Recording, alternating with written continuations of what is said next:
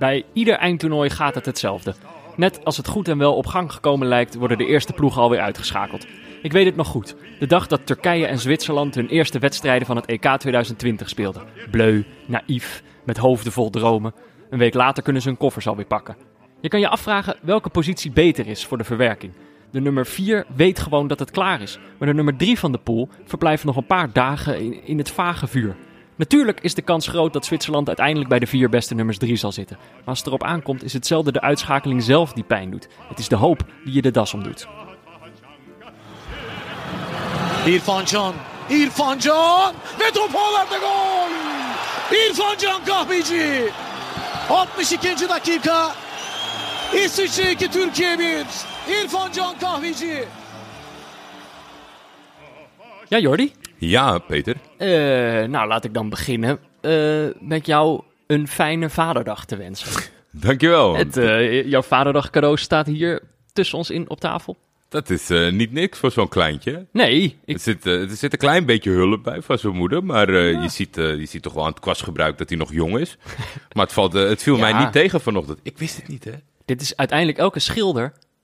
Die gaat later ook weer proberen om zeg maar de, de, de kwaststreken van zijn kindertijd eh, te herpakken. Zeg Ah, maar die dus is- vrije geest zie je wel in terug. Dit is een soort van eh, eh, waardevol in de toekomst. Nog extra Zeker, voor zeker. hemzelf. Om te zien waar hij stond toen, Maar- toen hij 2,5 was. Maar ik, wist- ik, ik wist het zelf niet. Ik, ik, vaderdag, moederdag, meer beetje- ja, dan doe je gewoon aan mee om de betrokkenen, dus je moeder en je vader, een, een, een fijne dag, extra fijne dag te wensen. Mhm. Ehm, maar dat staat niet zeg maar in mijn agenda. Nee. Dus ja, nu zitten we natuurlijk. eh, eh, wij zijn keihard aan het werk tijdens dit toernooi. En het wordt best wel laat. En gisteren was het natuurlijk eh, een storm. Ik- heeft deze storm in Nederland een naam gehad? Ik hou altijd van Oh. stormnamen. Volgens mij niet. Nee, dit is inderdaad waar. Toen, nadat wij gisteren eigenlijk op stop, stop drukten met recorden, werd er buiten op start gedrukt voor de storm. Ja, en ik heb, ik heb hier nog een uur gezeten om ervoor te zorgen dat ik niet zou verzuipen op weg naar huis. Maar Maar ook, ook dat is een EK-podcast maken. Dat je denkt van. Ik, ik kijk dan opzij, ik zie daar een klok. Denk ik, zo. We vliegen er vandaag doorheen. Lekker gemonteerd. Klaar naar huis. Oh shit, de hemel breekt open.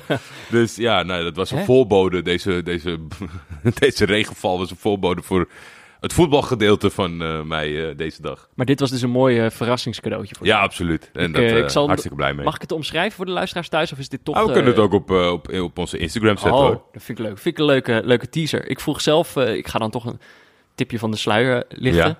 Ik heb Vic net heel even ontmoet. Dat is toch, kreeg meteen een box. Dat was heel fijn. En eh, ik, ik vroeg inderdaad meteen naar dit cadeautje. En eh, toen zei ik, welke kleuren zijn dat? En toen zei hij, gala. dus ja, mocht je willen zien, eh, we, we zetten hem zo meteen op Instagram. En wil ik ook gelijk van de gelegenheid gebruik maken. Vorige week was hij nog jarig. En vandaag is het eh, vaderdag. Dus dan een fijne vaderdag aan, aan mijn vader. Ja. En ook aan jouw vader, Jordi. Ja, dankjewel. En aan eh, alle vaders aan die, alle luisteren- vaders. die, die luisteren. Die natuurlijk ook. Ehm, nog een ander dingetje. Eh, of zullen we dit bewaren tot, een, eh, tot de volgende keer? Nee, doen we nu wel. Een vriend van de show, Mhm.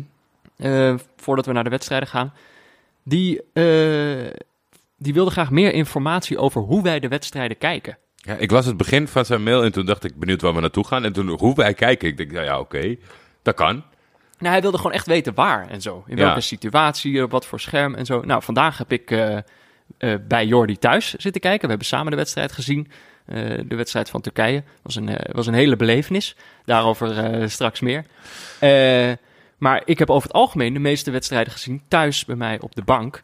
En dit is voor de luisteraars die het eerste seizoen hebben geluisterd. Toen verhuisde ik net. Toen ging ik net samenwonen met mijn vriendin. En toen kregen we de bank die al in dat huis stond. En dat is een soort enorme bank, maar die was ook al wel vrij oud. Maar het was wel echt een goede bank waar je helemaal in kon wegzakken. Dat werd toen een beetje een thema gedurende dat toernooi. Dat ik steeds dieper in die bank Verder in de eh, bank. verdween. Maar ja, we zijn nu dus drie jaar verder. Die bank is een stuk meer versleten. Ik heb het gevoel dat ik er nog dieper in wegzak. Dus ik ben gisteren nog, Oh, samen met eh, Julie, zijn wij naar een, eh, een bankenwinkel gegaan.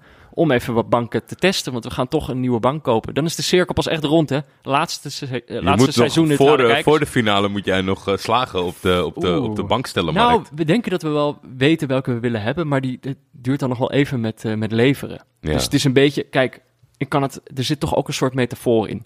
Afgelopen jaar tijdens de pandemie, al- anderhalf jaar bijna, steeds dieper in die bank weggezakt.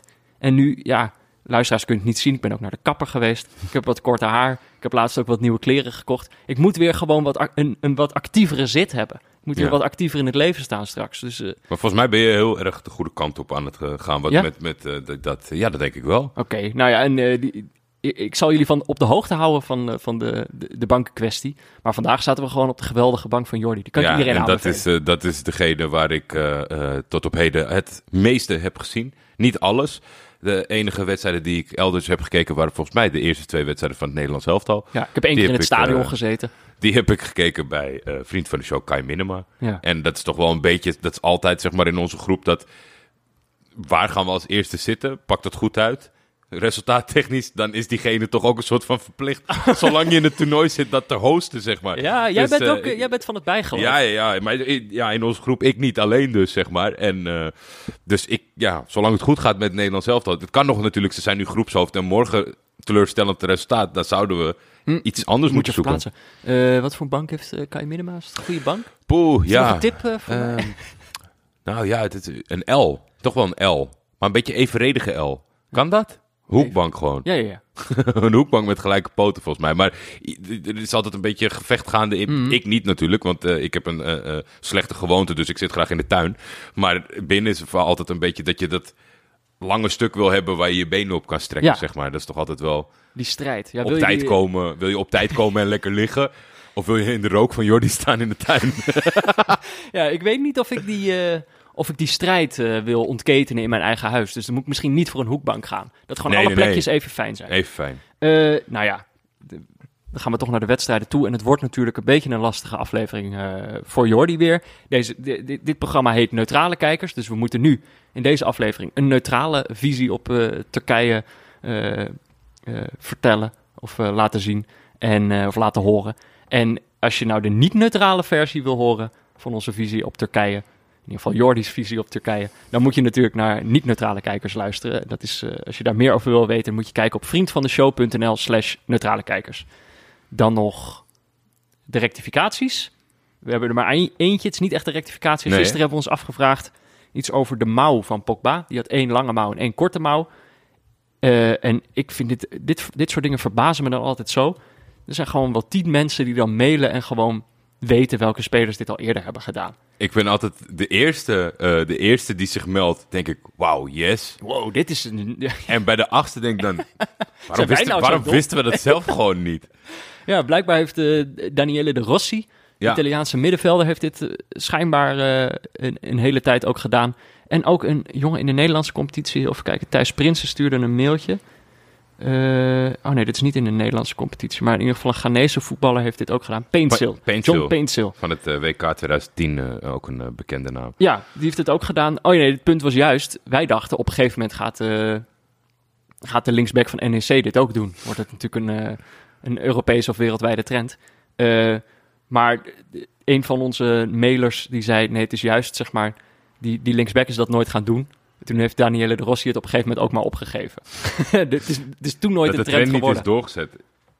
Eh, verder heb ik, niet, is, heb ik niet echt het eh, sluitende antwoord eh, gekregen waarom hij dat doet. Volgens mij is het gewoon inderdaad een fashion statement of een beetje bijgeloof. Why don't you have one long sleeve and one short sleeve at this tournament? I stopped doing that a few years ago. It's a nonsense. It started as a su- superstition thing. People talked a lot about it, but there was nothing more to it. Dit zei Dat Daniele de Rossi. Ja, dat stuurde eh, eh, Cas Reinders. Als dat er, nadat hij, toen hij het niet meer deed, werd erna gevraagd... hey, waar is je lange mouw? Ja, Nou, het was dus gewoon een, een bijgeloof dingetje. En toen verloor de Rossi waarschijnlijk een wedstrijd. Of zijn hoofd met een rode kaart. En toen dacht hij, ja, ja, het, het ligt toch niet aan die mouw. Maar Nee. aan mijn gebrek aan controle over mijn schopgedrag. we zullen, we zullen zien hoe lang Pogba dit, eh, dit blijft volhouden. Ehm, mochten we onze, deze aflevering nog dingen afvragen of mochten we dingen fout zeggen, dan kan je het antwoord geven of rectificeren via neutralekijkers.gmail.com en dan zetten we het eh, morgen recht. Goed, Jordi. Eh, dan moeten we het toch gewoon hierover gaan hebben. Zes uur waren er twee wedstrijden natuurlijk. Turkije tegen Zwitserland Die en keek jij. Italië tegen Wales. Ik Die- keek Italië-Wales. die, die heb jij gekeken. Eh, nee, we hebben, nou toch even laten we dan gelijk eh, onze vriend van de show Chedemir eh tegemoet komen. Dat we op groot scherm Turkije-Zwitserland, op klein scherm Ja, maar dan een second screen. En vandaag is toch ook wel... Ik, weet- ik weet niet of, of, of jij het wel eens deed. Ik heb het er wel eens over aangehaald, volgens mij in een van de afleveringen... dat ik het heel irritant vind, omdat je die andere... Mhm. Dat is gewoon niet te volgen. En dat was vandaag toch wel weer het ultieme bewijs. Als er heel veel beweging is, dan kijk je even om. Of toevallig dat je kijkt. Maar je kan gewoon geen, je kan geen, je kan geen verslag uitbrengen over Italië-Wales. Nee, het is wat dat betreft zonde dat ze die wedstrijden tegelijkertijd doen. Maar ik snap het ook wel weer. Ehm, maar laten we dan beginnen met Turkije-Zwitserland. De wedstrijd die we, die we het meest, waar we het meeste van hebben meegekregen. Het begon, Turkije begon veel leuker dan we ze het hele toernooi hebben gezien. Het was veelbelovend. Afstandsschot werd nog gekeerd door Jan Sommer. Ja, het waren vier magische minuten, Peter. Het was echt... eh, voor mij maakte dat het hele toernooi goed. Om toch de, de, de vurige start van deze jongens... eh, eh, die blijkbaar toch schaamte hebben... en, en zich probeerden te herpakken. Maar ja, weet je... Van deze selectie kan je niet veel meer vragen dan vier minuten. Dus daarna, daarna stortte het toch wel weer vrij Ja. rap in. Na vijf minuten al. 0-1 Severovic, letterlijk de eerste kansrijke positie voor Zwitserland. Vliegt de bal van buiten de 16. Krijgt hij misschien wel net iets te veel tijd. Keeper zit er misschien niet helemaal goed uit. Maar die bal eh, vliegt er meteen in. En dan denk ik, ja, dan moet Turkije wel van heel goede hui- huizen komen. Wil je zeg maar na die eerste twee tegenslagen zo vroeg in deze wedstrijd op achterstand komen en je dan nog oprichten. Dat zou wel heel knap, eh, knap zijn. Eh, er stond natuurlijk wel iets op het spel. In ieder geval vanuit Nederland heb ik heel veel mensen tijd horen zeggen dat het beter was als Turkije zou winnen. Omdat Nederland dan potentieel de nummer drie uit Pool F zou Ja, nu waren we ineens de vrienden. Ja, dan mocht het opeens wel, ja. Eh, Nee. Maar voor Zwitserland stond er ook wat op het spel. Want die konden in potentie Wales nog voorbij. Als Wales zou verliezen van Italië in die andere wedstrijd... en Zwitserland er nog twee of drie zou maken... Ja. dan zouden ze in doelsaldo Wales voorbij gaan. Dus eh, Zwitserland, ik had wel het idee dat ze dat ook wel een beetje als doelstelling hadden. In ieder geval aan het begin van de wedstrijd. Eh, want na 26 minuten, ze zetten flink aan. Ehm, nog een kans, afstandsschot, daar was er weer eentje. Shakiri, we hadden hem het hele toernooi nog niet gezien. Eh, Ja. Maar hij is volgens mij nu een beetje warm. Hij heeft natuurlijk het hele se- seizoen niet gespeeld. Dus hij is nu gewoon een beetje warm gedraaid. En nou is hij er, drie wedstrijden. De Eh, beoordeling van dit soort doelpunten blijf ik altijd lastig vinden, omdat ik gewoon op twee gedachten zink. Hij schiet hem fantastisch binnen. Als je kijkt naar de, eh, eh, wat er daarvoor gebeurt, dat er vier Turken om Severovic heen staat en die tikt hem opzij en Shakiri staat vrij om binnen te schieten. Dan doet hij dat op een prachtige manier, maar dan moet ik toch dat ook meenemen in de beoordeling, want ja, toch bij geen enkele andere tegenstander kan je zo vrij op de 16 staan. Dus dat, dat was meer dan een puntje van, eh, eh, ja, toch... eh, nog een keer de teleurstelling, nog een keer de schaamte. Want ja, Turkije stond zo slecht. En er was best wel tussen die, nou ja, vanaf het start tot de 0-1 en van de 0-1 tot de 0-2. Daartussen zaten toch best wel een paar goede afstandpogingen. Boerak schoot snel op goal. Mert Muldur was ineens superhandig dat een rechtsbenige op linksback stond. Ja. Omdat hij een paar keer eh, eh, ja, toch wel eh, redelijk eenvoudig langs de Zwitsers kwam en op doel kon schieten. Maar ja, nou net de allerbeste actie van Muldur.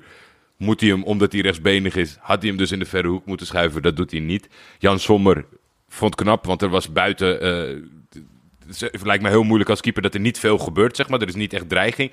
En dan in één keer wordt er vier of vijf keer keihard op je afgeschoten. En dat Ja. pakte hij toch de hele tijd goed op. Eh, weet je, ik dacht uiteindelijk, jij zegt Turkije staat niet goed. En dat, daar zat ik deze wedstrijd over na te denken. Gewoon voorin zetten ze nauwelijks druk. Ja. Als ze die bal kwijtraken, dan, dan zakken ze meteen weer in. Eh, en verdedigend lijken die spelers ook niet precies eh, te weten wat de afspraken zijn over druk zetten op, op de, de aanvallende partij met de bal. En ik dacht, dat is eigenlijk als voor Turkije zelf is dat onhandig, want daardoor krijgen ze al die doelpunten tegen. Eh, maar ik denk als kijker is het ook minder leuk om een ploeg te zien die de hele tijd zo inzakt. Het is daar, was daardoor ook moeilijker om van ze te houden. Op het moment dat de ploeg druk zet, dat is toch leuker om te zien automatisch. Ja, en ik denk, ze, ik ze denk, ogen heel laks daardoor. ik denk oprecht ook dat het... Wat, de vorige wedstrijd maakte ik nog een, een geintje met de knipoog naar Pieter. Maar het is gewoon ook wel gewoon lastig om naar te kijken omdat er de hele tijd niet logische beslissingen worden genomen. En dat betekent niet dat thuis iedereen met de kladblok klaar zit om, om de 5-3-2 van Cheno Gunes uit te tekenen. Maar als je de hele tijd zo in de war bent, zeg maar van... Oké jongens, eh, de rechtsback van Zwitserland komt nu op. Misschien moeten jullie die afschermen. En je ziet twee man op het centrale middenveld eigenlijk niet om zich heen kijken om terugschokken. Dus en niet, en niet inzakken zoals ze dat tegen Italië wil. En niet druk zetten naar voren. Dat, het is toch ook gewoon irritant dat je de hele tijd afvraagt... wat is diegene aan het doen? Ja, Ja, maar dat maakt het dus ook als neutrale kijker moeilijk. Om van Ja, want dan ga je uiteindelijk afvragen, denk ik. Nou, nou, nou, in die wedstrijden van Turkije moet je je steeds hebben afvragen, waarom kijk ik hier eigenlijk naar? Ja, en waarom boeit het jullie eigenlijk niet? Want dat is altijd. Ja. Als je denkt, als het die spelers niet boeit, waarom zou het mij dan boeien? Nou, dat is, dat is denk ik wel een hele mooie, eh, neutrale samenvatting van Ja. Mijn gevoel dit toernooi. Als het jullie niet boeit, waarom moet het mij boeien? Zullen mensen nu wel weer zeggen, of er keken mensen naar uit van... Nou, zal die weer rustig kunnen blijven, dat eerste, eh, de, de eerste uitzending? Ik vind, het, ik vind het serieus moeilijker om zo meteen opgewonden te zijn bij de niet-neutrale versie. Dan kan ik je nu alvast een klein Ja. tikje van... Ja, als ik eenmaal ratel, dan ratel ik wel door. Dus het is niet zo dat je niet hoeft te luisteren, maar... Dat, echt waar, ik vind, ik vind dat moeilijker dan dit. Ehm, de eer werd wel gered. Na een uurtje spelen. eh, met de prachtige van die hatelijke nul af. Is toch, hè? Het Denemarken, eh, Ja. eh, het record van Denemarken was in zicht. Ja, mensen waren al smalend dat aan het tweeten van... oh, dat record gaat er nog wel aan. Ja, en, nou, ze liepen ook op schema, maar met dit doelpunt werd dat toch nog gered. Kavici. Eh, ja, keurig. Hier, het, het probleem is dat mensen soms de, de, de, het woordje ertussen weglaten. Irfan Jan. Ja, En die zeggen dan I- Irfan, zeg maar. Maar zijn naam is gewoon, net als Jan Willem, eh Irfan Jan. ja. Dus het is niet dat je zijn tweede naam niet opnoemt, zeg maar. Maar Kawiji is, eh, is goed, is een lastige. Met, met links draait hij hem om Sommer heen. Sommer die eigenlijk bijna alles wel uit zijn doel wist te houden vandaag. Maar, Ja. maar deze niet. En was ook onmogelijk. Prachtig doelpunt. Ik vond ook wel mooi hoe het daarna ging. Ze komt meteen een soort zoombeeld. Komt hij in beeld. En gewoon, hij juicht helemaal niet. Tuft een keer op de grond en loopt terug naar de middenlijn. Ja, Dat zegt misschien genoeg over hoe Turkije op dit moment nog in de wedstrijd zat. Eh, het was wel, die waren er eigenlijk wel klaar mee. Eh, en ze waren er helemaal klaar mee. Want op zich, de 2-2 had misschien nog wel gekund. Mhm. Ehm, maar zes minuten later toch weer eh Shakiri, uitgerekend de, de, de machtige kuifarend die, die Turkije de das omdoet in deze wedstrijd. Eh, het was een eh, voorzet die zo tussen keeper en verdedigers in wordt gelegd, laag. Voor- en hij rost hem keihard binnen. Hele mooie, hele mooie afgemeten voorzet. Hij schiet hem hard. Eh, Ja, ik weet niet. Ik ben, ik ben natuurlijk altijd kritisch op keepers. Ik kan wel, het was van dichtbij en hard. Maar het was ook wel heel erg door het midden. Ja, die, Maar ik, Ja. ik heb als, ik- als, ik van één, als ik met één iemand te doen heb in deze selectie. Dan is het uh, Oerjan Chakar. Want die heeft nu zoveel doel- tegendoelpunten gekregen. Terwijl hij echt wel een oké keeper is. ja, die verdediging, ik, daar snap ik helemaal niks van van Turkije. Want dat Ja, zijn allemaal op papier aardige, eh, aardige spelers. Die echt En allebei- hele goede wedstrijden En hebben zien spelen. Allebei ook zeg maar in wat hun pluspunt is gefaald. Seuntje is de slimmere van de twee, de opbouwer. En die heeft, nou ja, ik denk misschien als je gaat tellen, misschien wel 13 ballen over de zijlijn geschoten dit toernooi. Ja. In die drie wedstrijden. En Mary is powerhouse die alle duels wint. En, en die, komt, die, die kwam gewoon niet voor zijn man, zeg maar. Er stond iemand een bal af te houden. En dan lukte het niet om, om fysiek die bal af te pakken. Dus Ja. ja. Maar ja, zo, zo eigenlijk is natuurlijk iedereen gefaald. En misschien degene waar je het meeste verwachting van had, het hart. Als je kijkt, jij hebt dit jaar een paar keer Lille gezien en je weet van het bestaan van Zeki Celik. Ja. Als je nu deze drie wedstrijden van hem bekijkt, is het gewoon ja, onherkenbaar. Ja, ik moet ook wel zeggen, we, we belichten nu vooral de Turkse kant. Eh, maar het is ook een beetje lastig. Ja, Shakiri stal in deze wedstrijd een beetje de show. Is toch misschien wel echt een toernooivoetballer. Dat kan natuurlijk gewoon. Dat dit, dat dit gewoon is waar, eh, waar hij van opleeft. Dat dat clubvoetbal hem gewoon minder boeit. Ehm, maar verder was er bij Zwitserland... Ja, ik vond Embolo toch wel weer interessant in deze wedstrijd. Hij levert echt on- ontzettend veel arbeid. En hij is dus wel iemand die steeds bij balverlies onmiddellijk druk zette... waardoor Zwitserland de bal, eh, bal weer had. Maar ja, als ik hier naar kijk... het is natuurlijk voor Zwitserland afwachten... of ze straks bij de beste nummers drie zitten. Die Ja. kans bestaat, ze hebben vier punten... dus die kans is redelijk groot. Maar ik zie ze niet heel ver komen. Ik, eh, ik, heb, er, ik heb er weinig goeds van gezien. Nou ja, ik denk dat zo- zo'n zo'n wedstrijd als vandaag kan ze misschien wel. eh, kan ze misschien wel een juiste boost geven hoor. Zijn niet echt in de problemen gekomen. Nou, dan kan iemand anders zeggen van Turkije is de slechtste ploeg van het toernooi, dus had dat dan nodig. Maar ja, weet je, zo'n Zuber, die volgens mij alle drie de assist heeft gegeven. Shakiri twee doelpunten. Mhm. En Bolo sterk eh, en overal op het veld aanwezig. Het is allemaal niet Zelfs leuk. Is Severovic allemaal- kwam een mannetje voorbij. Ja, dat was eigenlijk het start zijn. eh daar had Turkije, Turkije moeten beginnen met het inpakken van de koffers. Ja. Als dat je overkomt, is dat natuurlijk niet best. Maar nee, maar dat kan zo'n ploeg dan toch wel een boostje geven. En eh, het is natuurlijk een, een, een groot deelnemersveld. Wie weet een positieve loting. Maar het is gewoon, het blijft geen. Vandaag spelen ze echt goed, toch? Zakelijk goed. Ja, Niet leuk. Eh, zullen we naar de volgende wedstrijd gaan? Dan gaan we, dacht ik, even beginnen met iemand die de wedstrijd eh, eh, veel beter heeft gezien dan Ja. wij. Beginnen met wat eh, diepteanalyse van Pieter Zwart. Kijk een pressing. Kijk een pressing.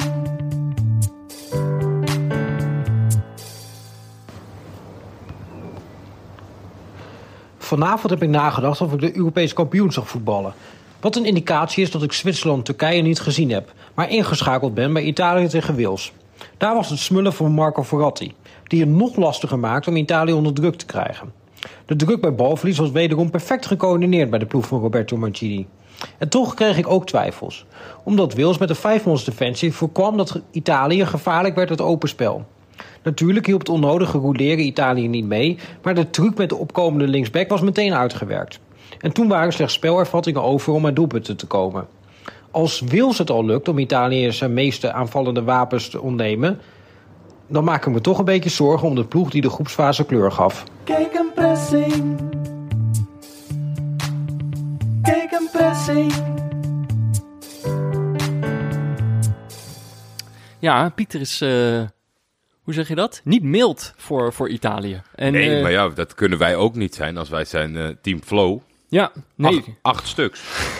zij waren niet eh, team flow inderdaad. Acht wijzigingen werden doorgevoerd in de, de basiself van, van Italië.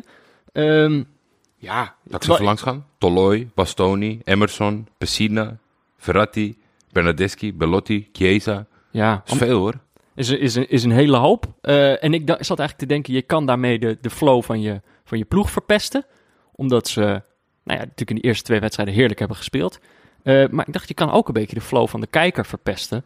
Namelijk, ja, dan staan er opeens allemaal andere spelers. Ik kan me voorstellen dat je bij Italië vooral inschakelt voor, voor Spinazzola. Of hoe heet die, Spinazzola? Ja, en, En dan, eh, en, dan, eh, en dan krijg je opeens dit. Ja, nou ja, volgens mij was het, was het eh, gewoon een soort van eh, eh, gepaste inspanning. Kansen voor de jongens. Kijk, voor Verratti was het natuurlijk een belangrijke 90 minuten. Ja. Die heeft de eerste twee wedstrijden moeten missen. Ja, maar dan, daarnaast zijn nog zeven jongens erbij. Ja, ja, nee, nee helemaal, helemaal eens. Maar eh, wat ik wel zag, en, en dat is natuurlijk wat, wat ineens in het voordeel zou kunnen spreken, of in ieder geval dat het niet zo hoeft op te breken.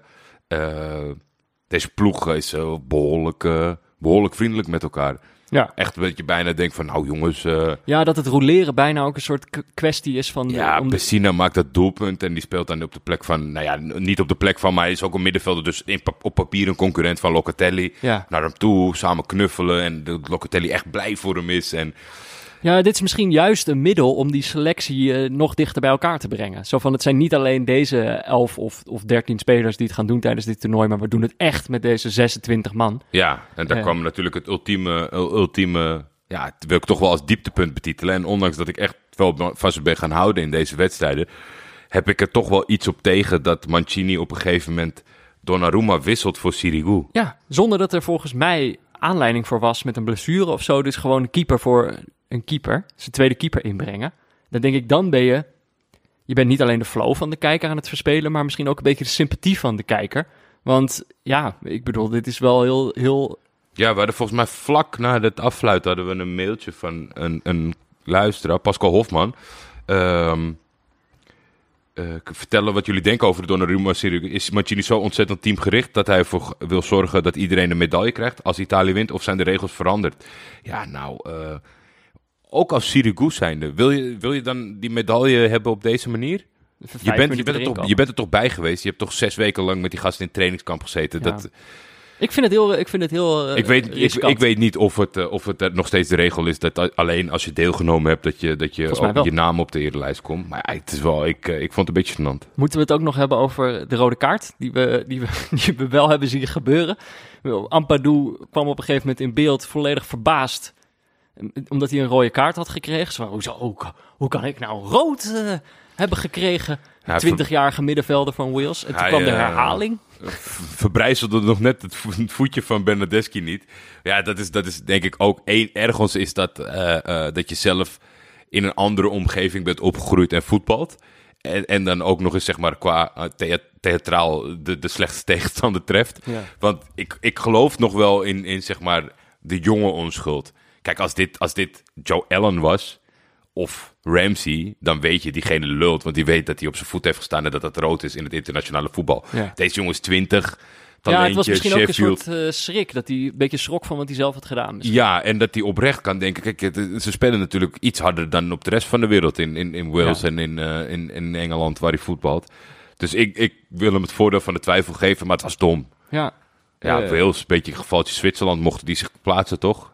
Heeft er eigenlijk niks te zoeken. Kan heel veel mazzel hebben. Ja, nou ja, zoals we ze tegen Turkije hebben gezien. eh, zo kwamen ze niet in deze wedstrijd voor de dag. Dus ja, weet je, te- tegen de echt grote... Tegen het B-team van Italië lukt het al niet. Nee. Eh, dus het is inderdaad maar de vraag hoe, hoeveel we hier nog van, eh, van terug gaan zien. Eh, ja, Turkije dus naar huis met nul punten. Jee. Eh, en ja, voor de neutrale kijker geen groot gemis. Eh, we hebben er weinig van kunnen genieten, dit toernooi. Eh, en Zwitserland, ja, de kans is dus groot dat ze bij de beste nummers drie zitten. Maar ja, die moeten toch wachten. En dat lijkt me eigenlijk de vervelendste positie om in te zitten. Ja. Want ze konden het niet vieren. Eh, en dan balen ze misschien dat ze niet wat meer doelpunten hadden kunnen maken of zo. Maar eh, ja, lijkt me een irritante, de, de meest vervelende positie om op te eindigen, plek drie. Misschien wel. Maar we zullen zien hoe het, hoe het zo vergaat. Ja, morgen een viertal wedstrijden, daar gaan we het zo over hebben. Eerst even een berichtje van onze sponsor.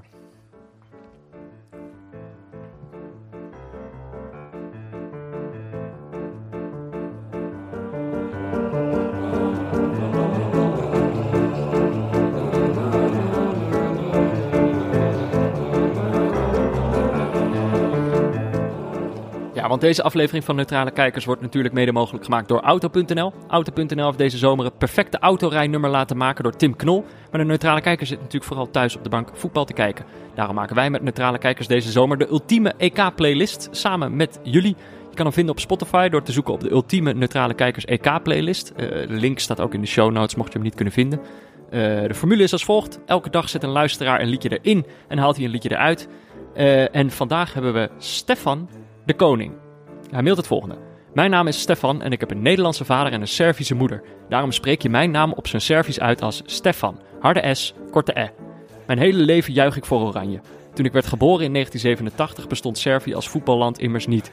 In dat jaar werd wel een team onder Joegoslavische vlag wereldkampioen bij de jeugd. Spelers als Boban, Suker en Mijatovic gingen bij de allergrootste clubs ter wereld spelen.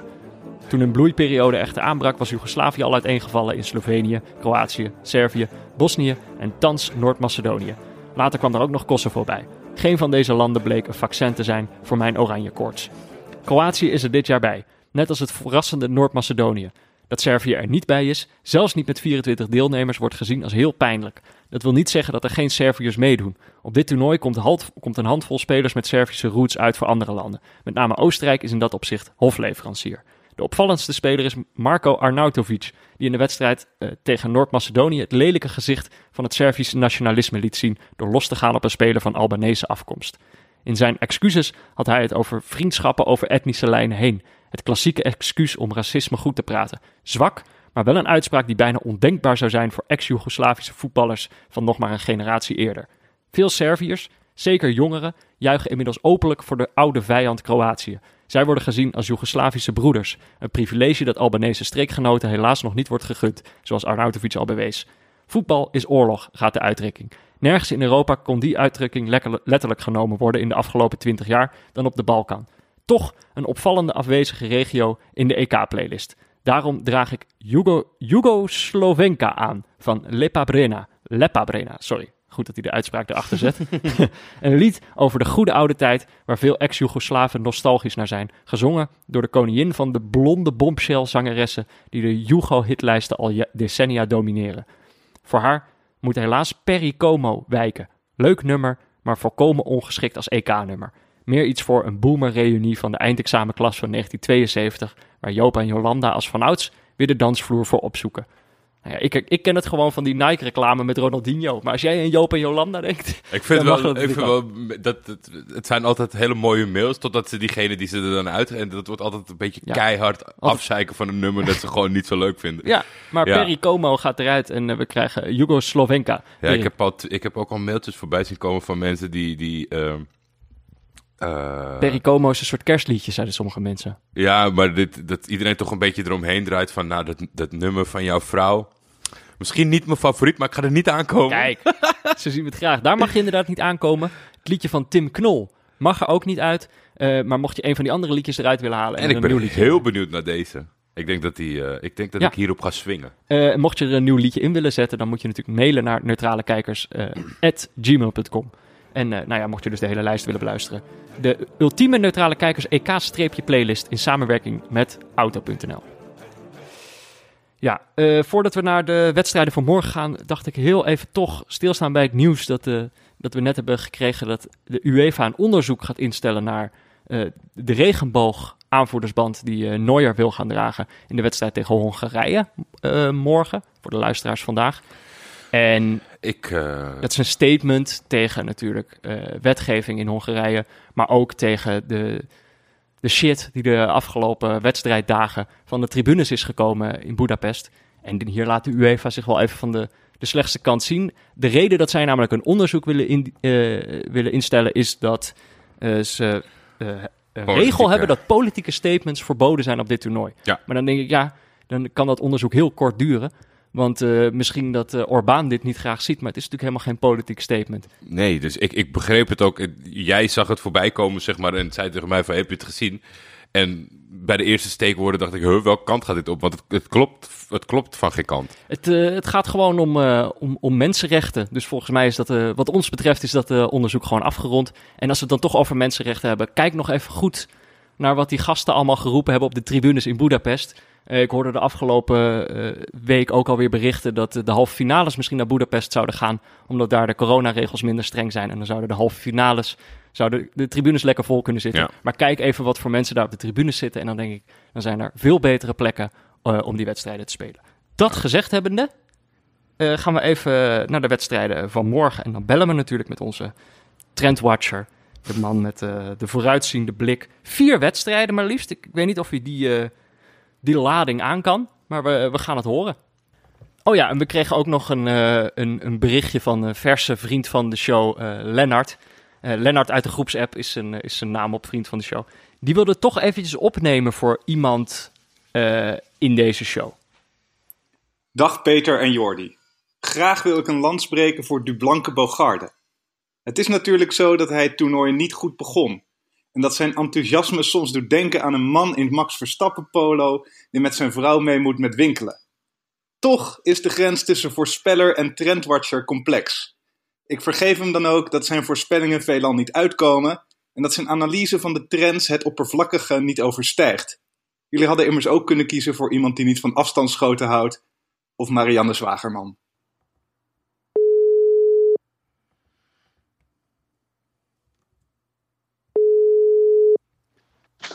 Hey jongens. Kijk, daar is hij. Onze Ja, sorry, ik stond, even, ik stond even de vaatwas te doen. Dat moet ook gebeuren, hè? Ja, zeker. Dat moet zeker gebeuren. Dat is ook belangrijk. Maar weet je wat ook belangrijk Zeker. is? De wedstrijden van morgen. Het zijn er maar liefst vier. Heb je dat gezien?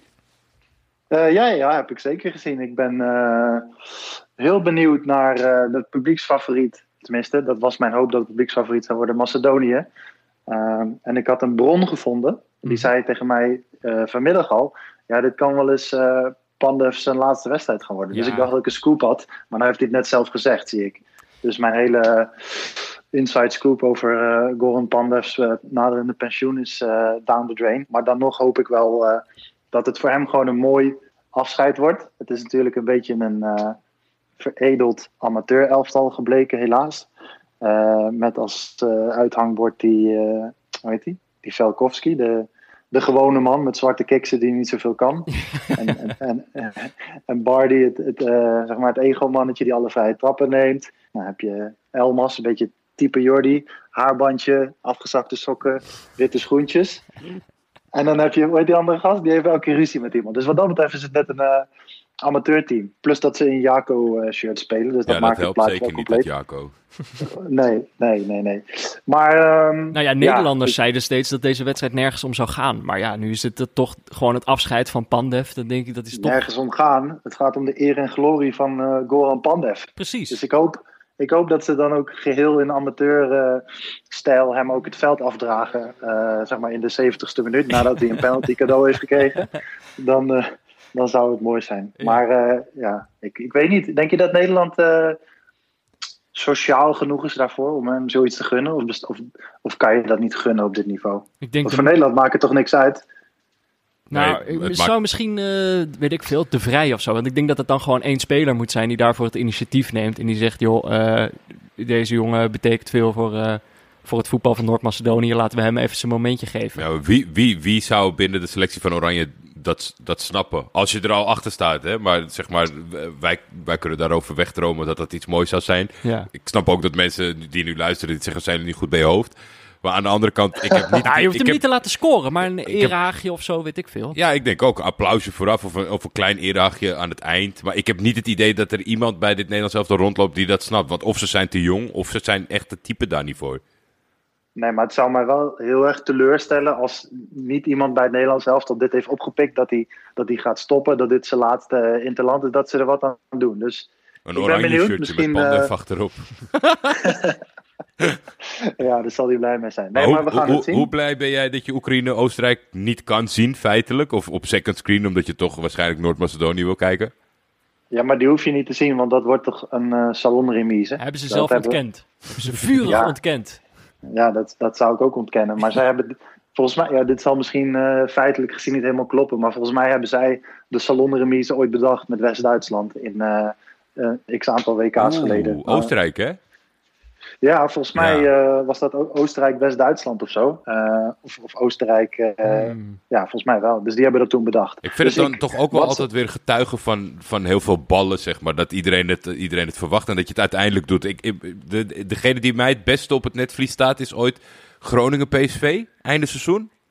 Ja, Die een ja, beetje heen en weer gingen tikken. Ja, ik denk, ja, Ah, ja. toch wel ballen, weet je. Iedereen vindt het niet kunnen, behalve jullie 22. Ja, je doet het dan wel gewoon. Ja, maar misschien denkt Oekraïne-Oostenrijk, denken zij van ja, die wedstrijd, daar kijkt toch niemand naar. Iedereen kijkt naar het afscheid van Pandev, dus, het valt niet op. Ze denken dat ze ermee wegkomen. En, Ja. om, en om negen uur? Ja, dan moet ik kiezen tussen Rusland, Denemarken of Finland, België. Mhm. Ehm, ik heb wel, logischerwijs natuurlijk, veel sympathie gekregen voor, eh, voor Denemarken. En als ik goed heb gerekend, heeft Rusland aan een eh gelijk spelletje genoeg. Mhm. En daar heb ik al mijn volgende voorspelling verklapt, want ik ga ervan uit dat Finland niet wi- wint van België. Ehm, dus dan heeft Rusland genoeg aan een eh gelijk spelletje. Ehm, en eh, ja, ik weet niet eh, of eh, die, eh, eh, hoe heet die vent met die snor? Eh, of die in staat is om op een gelijk spel te spelen. Dat lijkt mij eh, niet de type voor. Eh, dat is een beetje alles of niets voor, voor mijn gevoel. Ja. Ehm, maar de, ja, de sympathie is met Denemarken. Dus dat is een heel moeilijk dilemma voor mij. Want ik, ik eh, heb de laatste dagen wat moeite met het voorspellen. En dat wordt natuurlijk niet makkelijker nu in de laatste. ehm, ja, met dat, met dat gereken en gedoe. Mhm. Ehm, dus ik, eh, eh, ik zet hier een joker in. Dat weet ik echt niet. Finland-België Finland-België weet ik wel. Dat wordt gewoon winst voor België.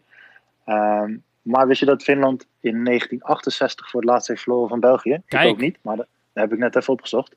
Eh, maar ik denk wel dat ze er morgen gewoon eh, Ja? roemloos, roemloos vanaf gaan. Het is Ik best heb, wel... ik heb toch, eh, ik weet niet. Ik heb ergens een gevoel erbij dat die Belgen de zes punten onderschatten, allemaal half fit. En toch gaan we Dun Kevin wel doen, gaan we Dun Kevin Ik niet weet doen. ook niet of zij teamrelatie of teamflow zijn in België. Ja, ik denk soort van met tegenzin Ja. En dat kan zomaar, ja, die Poyan Palo moet toch nog een keer exploderen. of Poekie. Poekie. Het is tijd om Poekie om op te staan. Omdat natuurlijk tot nu toe is Ja, maar- Poyan Palo's toernooi. Jordi, ze hebben in, in die twee potjes tot nu toe pas twee keer op goal geschoten, hè? Ja. Finland. Dus dat wordt eh, ja, een uitdaging om Maar heb je überhaupt... gezien hoe Denayer, die, hoe Denayer aan die wedstrijd begon tegen de Denen? Ja, oké. Maar weet je wat ik... eh, jij zegt fit. Maar België heeft volgens mij een van de fitste teams straks. Want die hebben er een paar die heel lang geblesseerd zijn geweest. Dus in ieder geval, ze zijn, kunnen niet moe zijn. Ja, Eh, je, dus de Shakiri-formule. Die was Ja, dus ook van eh, alle, fit.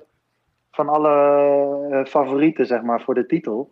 heeft België straks een van de fitste elftallen. Ja, dat maar ook een van de oudste elftallen. hè. Dus inderdaad, wat dat betreft Ja, mogen ze van geluk Ja. spreken. Dat al die jongens van Nee, maar- 37 niet zoveel hebben hoeven rennen het afgelopen jaar. Ja, maar ze hebben toch genoeg rust ook daarna. Eh, ja, nou, we, Maar we zullen het zien of je voorspellingen kloppen.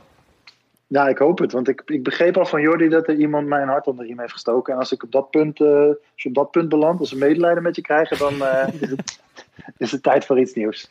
Ja. Maar ik wil, ik wil gewoon ter verdediging van mezelf zeggen. Het is toch moeilijk voorspellen nu, dit EK. Ja.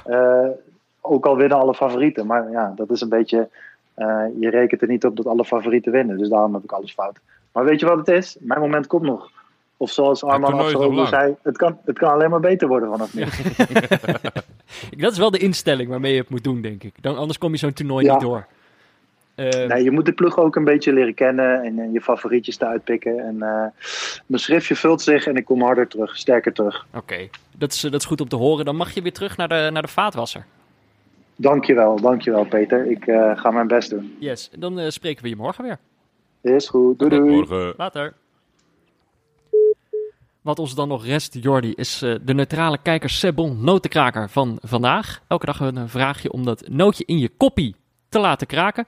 Deze speeldag had je een hele goede vraag gesteld, vond ik. Vond ik echt een leuke. Ja? Eh, Ja, ik hoeveel, vind het eigenlijk altijd wel leuk. hoeveel kaarten er zouden vallen bij de, eh, bij Oh. de 6 uur wedstrijden? Nee, ik, ik noemde 6 uur wedstrijden, gewoon bij de wedstrijden van vandaag. Ja, Want het waren er helaas maar, maar twee. maar het was heel grappig dat Turkije bleef heel lang op nul kaarten staan. En Ja. vanaf de 70ste minuut werden er in, eh, in, in, in zes minuten, geloof ik, vier gele kaarten gepakt. Ja, toen, toen werd het spannend. Want ja, het zijn toch weinig mensen die dan de, de gok zeg maar 0 of 1 aangaan. Mhm. En we hadden natuurlijk de, de rode kaart van Ampadu.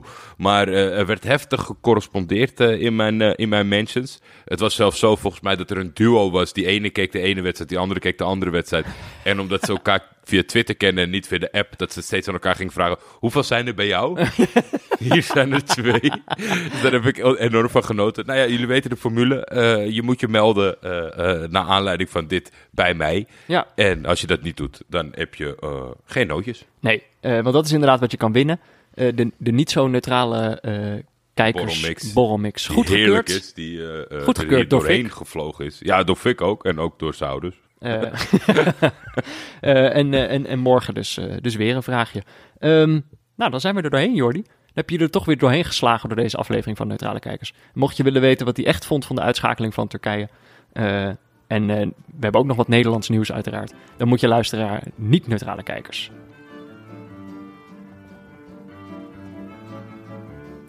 Neutrale Kijkers is mede mogelijk gemaakt door Dag en Nacht Media. De hoofdsponsor op de borst is Auto.nl. De muziek is Tachanka van Leon Lischner en Friends en een adaptatie daarvan van Studio Cloak. De gegenpressing jingle is van Laurens Collet. De vooruitziende blik was van Ed de Blanke Bogarde. De diepteanalyse was van Pieter Zwart. En de artworks zijn natuurlijk het werk van Barry Pirovano. Onze notenpartner is Sebon, de beste notenbar van Amsterdam. Je kan daar de speciale niet zo neutrale kijkers borrelmix krijgen om lekker op te knabbelen tijdens de vier wedstrijden morgen. Wil je meepraten? Dat kan. Je kan ons volgen op Twitter via @buurtvader of @vef. Je kan ons mailen op neutralekijkers@gmail.com of je kan een eh, berichtje sturen via vriendvandeshow.nl/slash neutralekijkers. Daarover gesproken, hebben we nog nieuwe vrienden? Heeft onze vriendenkring zich nog drie, uitgebreid? drie kanjers, drie kanjers. Toppers. Vriendje Stokvis, Ruud Boyon en Jordi. Die hebben dat alle drie gedaan gedurende de wedstrijd van Turkije. Dus daar heb ik ook een tweetje aan gewijd van deze, deze drie. Iedereen is speciaal, maar deze drie, dit voelde gewoon echt niet zozeer als vriend van de show worden, maar als een soort van steunbetuiging richting mij van kop op.